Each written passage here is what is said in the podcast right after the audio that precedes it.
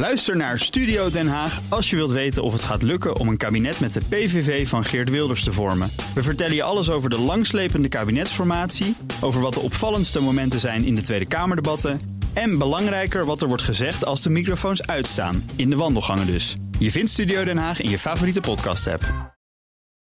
Crypto-update. We gaan naar Herbert Blankenstein, presentator van BNR's CryptoCast... ons programma over bitcoin en andere digitale coins. Herbert, goedemorgen. Goedemorgen, Bas. Een waanzinnige koerspiek van Dogecoin deze week. En dat heeft te maken met Elon Musk. Nou, dat verband moet Ja. jij maar eens gaan leggen.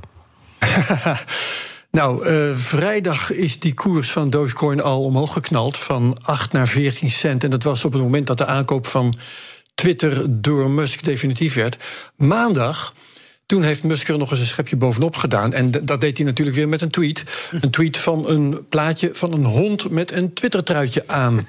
En de suggestie was: we gaan op Twitter iets doen met Dogecoin. En toen ging de koers, die was intussen gezakt naar 12,5 cent. Maar hij ging weer van 12,5 naar 15,5 cent toch weer een procentje of 20 erbij.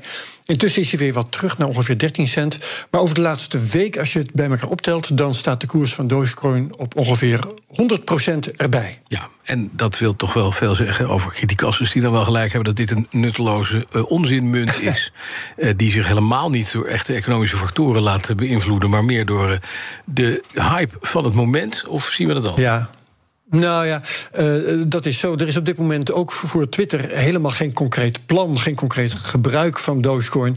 Maar er is wel een reële verwachting hoor. Want Twitter doet al het nodige met crypto. Je kunt elkaar fooien geven in, in Bitcoin en in Ether bijvoorbeeld. En dat zou heel makkelijk uitgebreid kunnen worden met Dogecoin.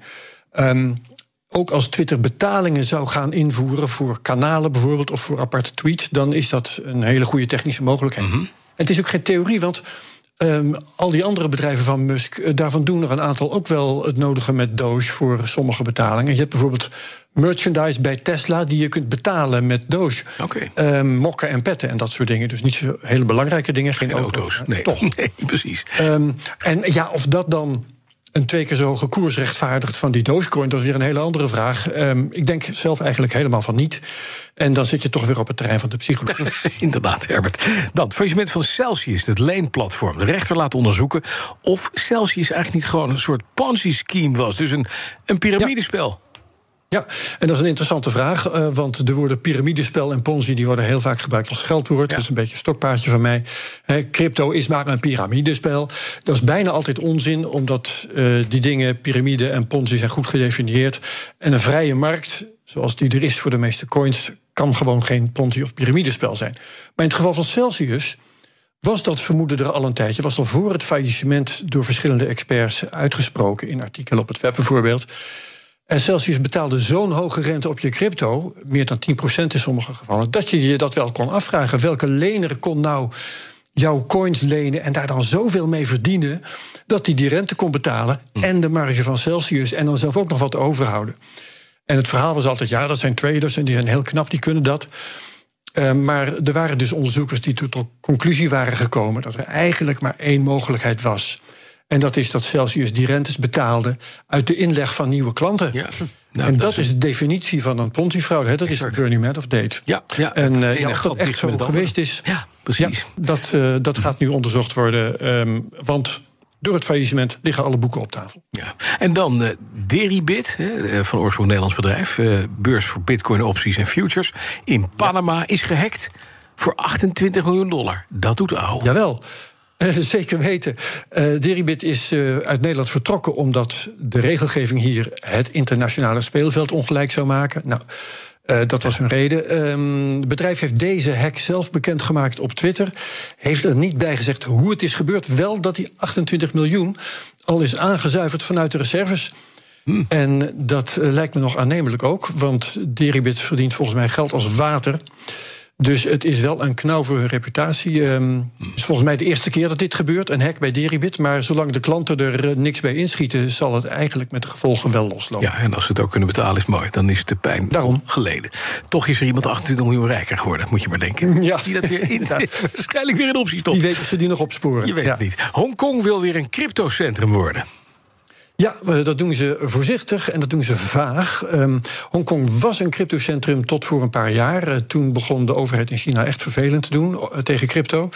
Um, de stad wil nu burgers weer gaan toestaan om te handelen in virtuele waarden. Maar welke dat dan worden, dat is nog helemaal niet zo duidelijk. Er komt wel een licentieregime. Bedrijven kunnen daar nu op intekenen. En dat zou dan in maart beslag kunnen gaan krijgen.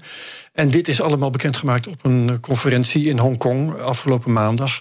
En het ziet er naar uit dat dat een poging is om innovatieve fintechbedrijven weer terug te krijgen.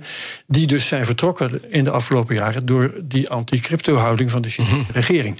Maar ja, um, een groot aantal daarvan is uh, zich uh, gaan vestigen in Singapore. En heeft eigenlijk helemaal niet zoveel reden om weer terug te gaan. en weer afhankelijk te worden van een Chinese overheid. die allemaal de spelregels zit te veranderen. Ja. Dus uh, het is een interessante stap en het is spannend. maar we moeten wel afwachten wat het eigenlijk concreet gaat inhouden. Ja, dan gaan we tenslotte altijd even kijken naar wat heb jij deze week in de Cryptocast, Herbert. Ja, daar hebben we Rijnjan Prakke.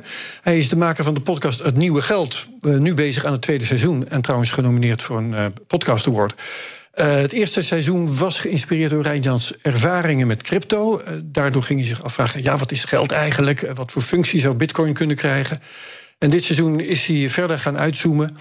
En neemt hij het hele financiële systeem onder de loep met fenomenen als aandelen, rente, betalen, beleggen. Wat is risico? Hoe dek je dat af? Allemaal ook relevant voor de cryptowereld. Um, die volgens mij trouwens al wel onderdeel is van dat financiële systeem. Al heeft nog niet iedereen dat echt door. Nee, nee precies. Lijkt nog niet zo groot, maar het zit er toch wel een beetje in. En Ryan Park heb ja. je dus straks te gast. Dankjewel, Herbert Blankenstein. Alle afleveringen van de Cryptocast te beluisteren via de BNR-app, bnr.nl... of de podcast-app van jouw voorkeur. Crypto-update wordt mede mogelijk gemaakt door BitTonic. Al tien jaar lang de Bitcoin-autoriteit van Nederland. Ook Harm Edens vind je in de BNR-app. Je kunt BNR Duurzaam niet alleen live luisteren in de app... maar ook terugluisteren als podcast, zoals al onze podcasts. En naast dat de BNR-app Breaking News meldt... houden we je ook op de hoogte van het laatste zakelijke nieuws. Download nu de gratis BNR-app en blijf scherp.